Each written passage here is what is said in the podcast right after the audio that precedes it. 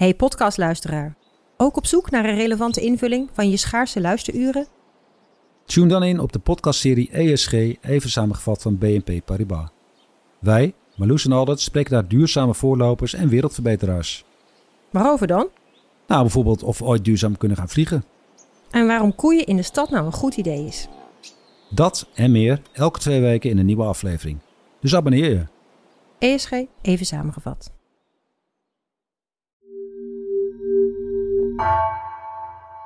Fijn dat je luistert. Een korte boodschap vooraf. We kunnen deze podcast alleen maken dankzij onze betalende abonnees. Ben je nog geen abonnee, maar wil je dat wel worden? Ga dan naar nrc.nl/slash nrcvandaag en kies een abonnement dat bij jou past. Want met een NRC-abonnement krijg je toegang tot al onze artikelen en podcasts. En dan nu snel door naar de aflevering. Vanaf de redactie van NRC het verhaal van vandaag. Mijn naam is Floor Boon.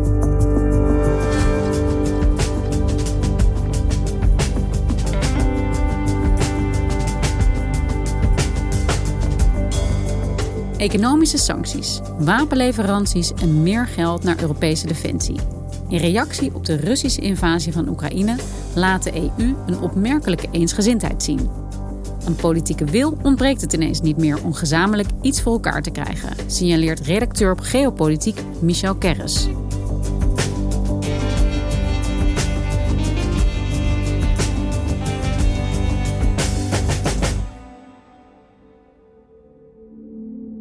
Der 24. Februar 2022 markiert eine Zeitenwende in der Geschichte unseres Kontinents. Und das bedeutet, die Welt danach ist nicht mehr dieselbe wie die Welt davor. This is a moment of truth for Europe. This is a clash between the rule of law and the rule of the gun. I think this is the, the moment in which the geopolitical Europe is being born. Ça, c'est l'acte de naissance de l'Europe géopolitique. How we respond today to what Russia is doing will determine the future of the international system. Ja, Michel, we horen hier Ursula von der Leyen, voorzitter van de Europese Commissie, Joseph Borrell, EU-buitenlandvertegenwoordiger en de Duitse bondskanselier Olaf Scholz, die alle drie in hele grote woorden spreken over Europa. En het voelt alsof in de afgelopen dagen en afgelopen week eigenlijk heel erg veel en snel aan het veranderen is in Europa. Hoe kijk jij daarnaar als geopolitieke redacteur? Ja, dat is absoluut waar. Kijk, Europa is in de afgelopen vier tot zes dagen radicaal veranderd. Dat komt natuurlijk door de schok, zeg maar, dat anno 2022 er nog een grondoorlog in Europa kon uitbreken. Met alle ellende die daarbij hoort. Maar het komt ook door de hele snelle en eensgezinde reactie eh, van Europa. Eh, Europa vaardigt eh, sancties uit die echt pijn doen. Europa levert wapens waar ze dat voorheen niet wilden. Ja, die sancties werden afgekondigd dit weekend. Kun je daar nog iets dieper op ingaan? Hoe zag die plotselinge eensgezindheid er eigenlijk nog meer concreet uit? Nou ja, kijk, je moet allereerst beginnen kijken naar alle economische maatregelen. Er waren twee dingen zeer omstreden de afgelopen weken. De ene was het afsluiten van een nieuwe gaspijpleiding tussen Duitsland en uh, Rusland. De befaamde Nord Stream 2-pijpleiding. En daarvan heeft Duitsland gezegd: die gaan wij niet openen gedurende dit conflict. Dat is uh, heel duidelijk. En dat betekent een zwaar uh, achteruitgang inkomsten voor Rusland. En het tweede, wat heel lang over gesproken is, is uh, SWIFT. Dat is het stelsel van het internationale betalingsverkeer. het idee was om heel Rusland daarvan af te koppelen. Dat betekent gewoon dat ze dan gewoon geen financiële transacties meer kunnen doen. en daar zijn een aantal grote Russische banken dit weekend zijn daadwerkelijk afgekoppeld. Maar misschien nog effectiever is het feit dat uh, het Westen Rusland probeert te verhinderen om toegang te krijgen tot de reserves van de centrale bank. Dus dat het geld van de Russische staat niet meer door de Russische staat uh, gebruikt kan worden. En al die dingen bij elkaar opgeteld, die deden onmiddellijk uh, pijn. At the speed of light, the European Union has adopted three waves of heavy sanctions against Russia's financial system, its high-tech industries and its corrupt elite. And this is the largest sanctions package in our union's history. These sanctions will take a heavy toll on the Russian economy and on the Kremlin. We have to end this financing of his war. Het probleem met die sancties is natuurlijk dat uh, sancties raken ook degene die ze oplegt. En de maatregelen die je kiest uh, raken het ene land meer dan het andere. Dus als je met 27 EU-lidstaten sancties wil afkondigen, dan gaat iedereen meteen kijken: oké, hoe pakt dat uit voor mij? Dus je had een, uh, achter de schermen een beetje een onsmakelijk spel. Waarbij uh, elk land probeerde zijn specifieke belang te waarborgen. Hè. Dus, dus, België was heel behoedzaam als het ging over handel in diamanten. In Italië was heel erg voorzichtig als het ging over de handel in, luxe goederen. Mooie leren tassen en schoenen. Hongarije heeft een, um, sowieso een, beetje een vriendschappelijke relatie met Poetin. Dus die waren eigenlijk überhaupt heel terughoudend. En dat is allemaal ingeslikt omdat de oorlog uitbrak. En daardoor stond de EU daar uh, als één front. Yes, protecting our liberty comes at a price. But this is a defining moment. And this is the cost we are willing to pay. Because freedom is priceless. Wat ook nog opmerkelijk was, is dat de EU uh, bij monden van Ursula von der Leyen ineens aankondigde dat uh, de EU als instituut samen wapens zou gaan aanschaffen en leveren aan Oekraïne. Ja, dat zit zo. Kijk, de lidstaten hadden natuurlijk al uh, wapenleveranties aangekondigd en ook in gang gezet. De meeste staten die dat deden, waaronder ook Nederland, hebben dat na donderdag, na de aanval, ook uh, zwaar opgevoerd. En daarnaast heeft ook de EU geld vrijgemaakt voor het leveren van wapens aan Oekraïne. En dat is in historisch perspectief ook heel belangrijk, want de EU is natuurlijk opgericht als een vredesproject. De EU-verdragen uh, verbieden ook zeg maar, defensieuitgaven in eerste instantie. En, dus, en als je dan wapens gaat leveren aan een land dat echt in oorlog is. En dan zijn het ook echt wapens. Dus vroeger werd het nog wel eens eh, helmen en zo uh, cadeau gedaan. Uh, maar nu gaat het ook echt om dodelijk materieel. en dat is dus echt een, een vernieuwing.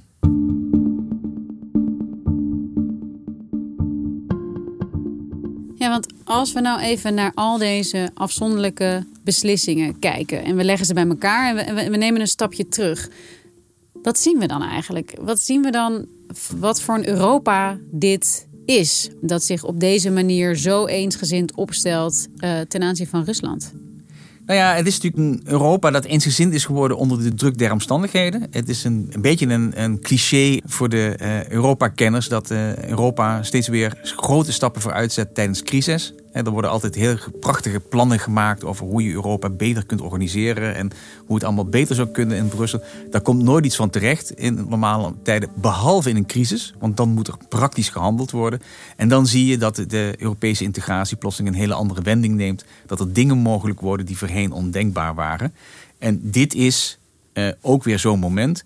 En je ziet nu dat Europa, wat eigenlijk altijd een soft power was, een hele machtige economische macht, dat die nu ook de stap zet naar hard power en zegt soft is alleen is niet meer genoeg. We gaan ook serieus naar de wapenkant kijken. En wat zegt dit ook over de onderlinge verhoudingen van Europese lidstaten? Want er is wel heel veel verdeeldheid geweest lange tijd. Is dat dan ook echt aan het veranderen nu? Nou, het betekent onder andere dat er een enorme verschuiving plaatsvindt uh, op militair gebied. Kijk, de twee grootste landen in de Europese Unie zijn Duitsland en Frankrijk. Uh, Frankrijk heeft traditioneel gezien een, een, stevige militaire traditie. De Fransen zijn nooit te beroerd om ergens uh, in te grijpen als het nodig is.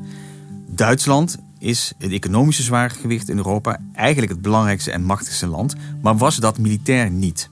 Sinds de Tweede Wereldoorlog deed Duitsland er alles aan om buiten militaire conflicten te blijven, eh, om juist geen militaire eh, macht te worden. Er dus werd nauwelijks geïnvesteerd in defensie en het leveren van wapens was, ondanks het feit dat ze een wapenindustrie hebben, altijd een heel eh, heikel hangijzer. Tot vorige week was het leveren van wapens bijvoorbeeld aan Oekraïne, dat in oorlog was, ondenkbaar. En Duitsland had dus een militaire positie die in geen enkele verhouding stond tot het economische en politieke gewicht. En dat is afgelopen zondag door één speech van kanselier Olaf Scholz veranderd. Wer Putins historisierende Abhandlung liest, wer seine öffentliche Kriegserklärung an die Ukraine im Fernsehen gesehen hat, oder wer wie ich kürzlich persönlich mit ihm stundenlang gesprochen hat, der kann keinen Zweifel mehr haben, Putin will ein russisches Imperium richten. Ja, tijdens een speciale vergadering van de Bondsdag van het Duitse eh, parlement op zondag haalde eh, Olaf Scholz eigenlijk 70 jaar buitenlandbeleid van Duitsland overhoop. En hij zei: A, ik ga 100 miljard investeren in de Duitse defensie. Der Bundeshaushalt 2022 wird dieses Sondervermögen einmalig mit 100 Milliarden Euro ausstatten. Ik ga wapens leveren aan de Oekraïne. En Duitsland zal voldoen aan de 2%-norm voor defensieuitgaven. Wir werden von nun an Jahr für Jahr mehr als 2% des Bruttoinlandsprodukts in unsere Verteidigung investieren. En opvallend was dat hij voor die koerswijziging, eh, voor de historische omwenteling, een staande ovatie kreeg. En het is een soort vingerwijzing voor een koerswijziging voor heel Europa. Omdat natuurlijk naast Frankrijk nu ook Duitsland een serieuze militaire macht wordt. Dus de hele EU krijgt daarmee ook een veel uh, duidelijker militair profiel. Ja, dus meer militaire kracht en macht binnen Europa. Met een andere balans dus ook eigenlijk tussen die onderlinge lidstaten, met name Frankrijk en Duitsland. Welke gevolgen heeft dat of kan dat hebben? Nou, je zult zien dat Duitsland daarin dus een, veel belangrijke rol gaat spelen, dus ook op dat vlak. Uh, Duitsland werd altijd heel stil als het om militaire dingen ging. Dus we zullen zien in de toekomst hoe zich dat gaat ontwikkelen. En in zijn geheel wordt natuurlijk heel Europa een stuk uh, sterker. En ook de discussies die al liepen om meer te gaan doen op militair vlak door de EU, zul je zien, die zullen de komende weken in een soort stroomversnelling uh, geraken. Het vreemde aan de hele situatie is, Poetin krijgt nu precies wat hij niet wilde. Hij krijgt een sterkere NAVO, hij krijgt een eensgezinde EU. Er is in het Westen enorme sympathie aan het groeien voor Oekraïne. En in Oekraïne is er enorme sympathie en verlangen naar het Westen gegroeid, wat voorheen niet zo was. Maar misschien het allergrootste verlies voor hem is nu wel dat alle illusies die er nog waren, voor zover ze er nog waren, over zijn persoon en zijn regime, uh, eigenlijk van tafel zijn.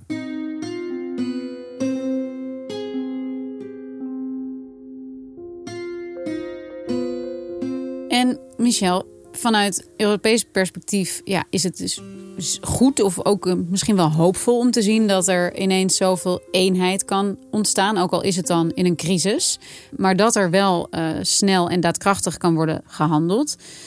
Zitten er alleen niet ook risico's aan politieke wil die goed is, maar de zorgvuldigheid waarmee beslissingen worden genomen, bijvoorbeeld? Ja, zorgvuldigheid is nu denk ik eh, het hoogste gebod. Kijk, iedereen ziet uh, dat oorlogsleed elke avond op tv en vraagt zich af: moeten we niet meer doen? Kunnen we niet meer doen? Maar het is vooralsnog heel duidelijk de lijn dat Europa en de NAVO steunen Oekraïne, steunen uh, president Zelensky waar het maar kan, maar gaan niet meevechten. Dus het is steunen van Oekraïne, maar niet strijden met Oekraïne.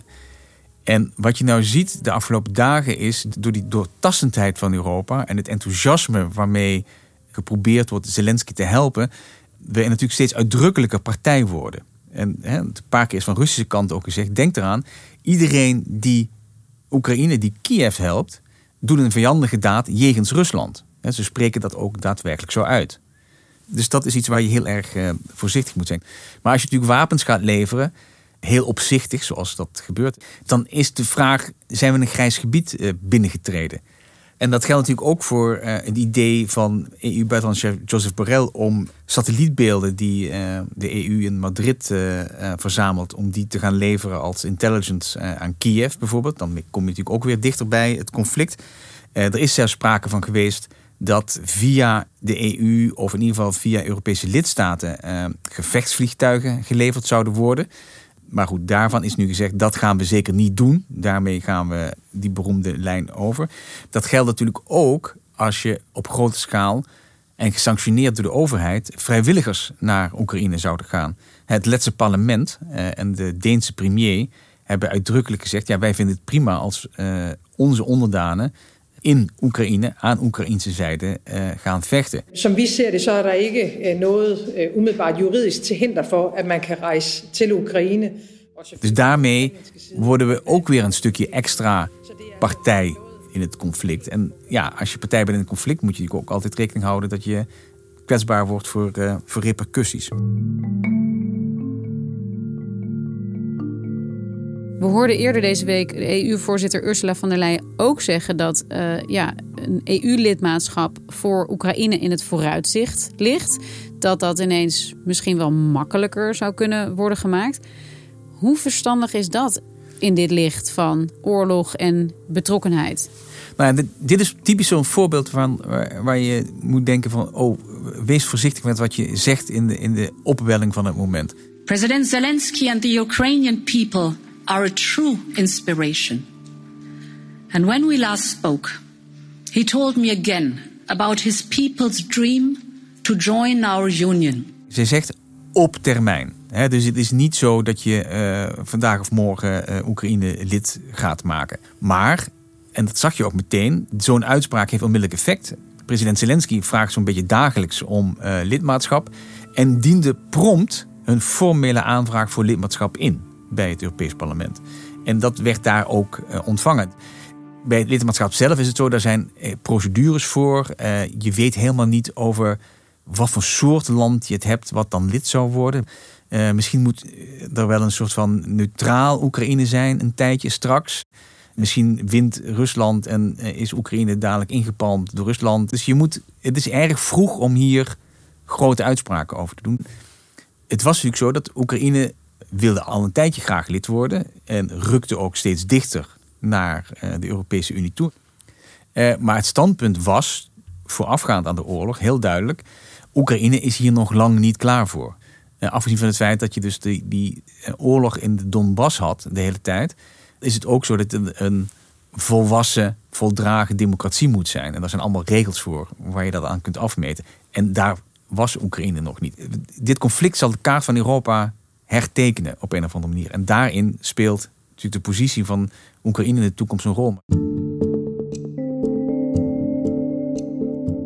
Ja, we zien nu dus eensgezindheid. Uh, sterke vuist wordt gemaakt. Het gaat allemaal snel en eendrachtig. We hebben het ook wel eens anders gezien in Europa. Uh, als we kijken bijvoorbeeld naar een gezamenlijk klimaatbeleid. Als je kijkt naar een gezamenlijk migratiebeleid. Is deze eensgezindheid ook op andere terreinen duurzaam te maken, denk jij? Nou ja, kijk, het gebeurt onder de druk der omstandigheden. Dus er zullen uh, dingen gebeuren die anders misschien wel 10 of 20 jaar in beslag hadden genomen. En die nu in een tijd van een week gebeuren. Maar het betekent niet dat op alle andere terreinen nu uh, één grote gemeenschappelijke beweging uh, zal ontstaan. Je moet eerst zeker weten dat we in Europa veilig zijn. En dat we eh, zonder oorlog verder kunnen, een keer ergens. En dan kunnen we ook die problemen die we sowieso al hadden en die ook ernstig genoeg waren aanpakken. Kijk, het blijven uh, landen met andere uh, belangen. Die 27 Europese landen. En die belangenverschillen die kun je wel een tijdje aan de kant zetten, maar vroeg of laat komt dat natuurlijk weer terug. Dankjewel, Michel. Graag gedaan.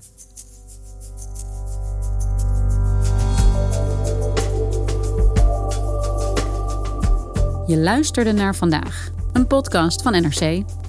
Eén verhaal, elke dag. Deze aflevering werd gemaakt door Anna Korterink en Miesje van Waterschoot. Dit was vandaag, maandag weer.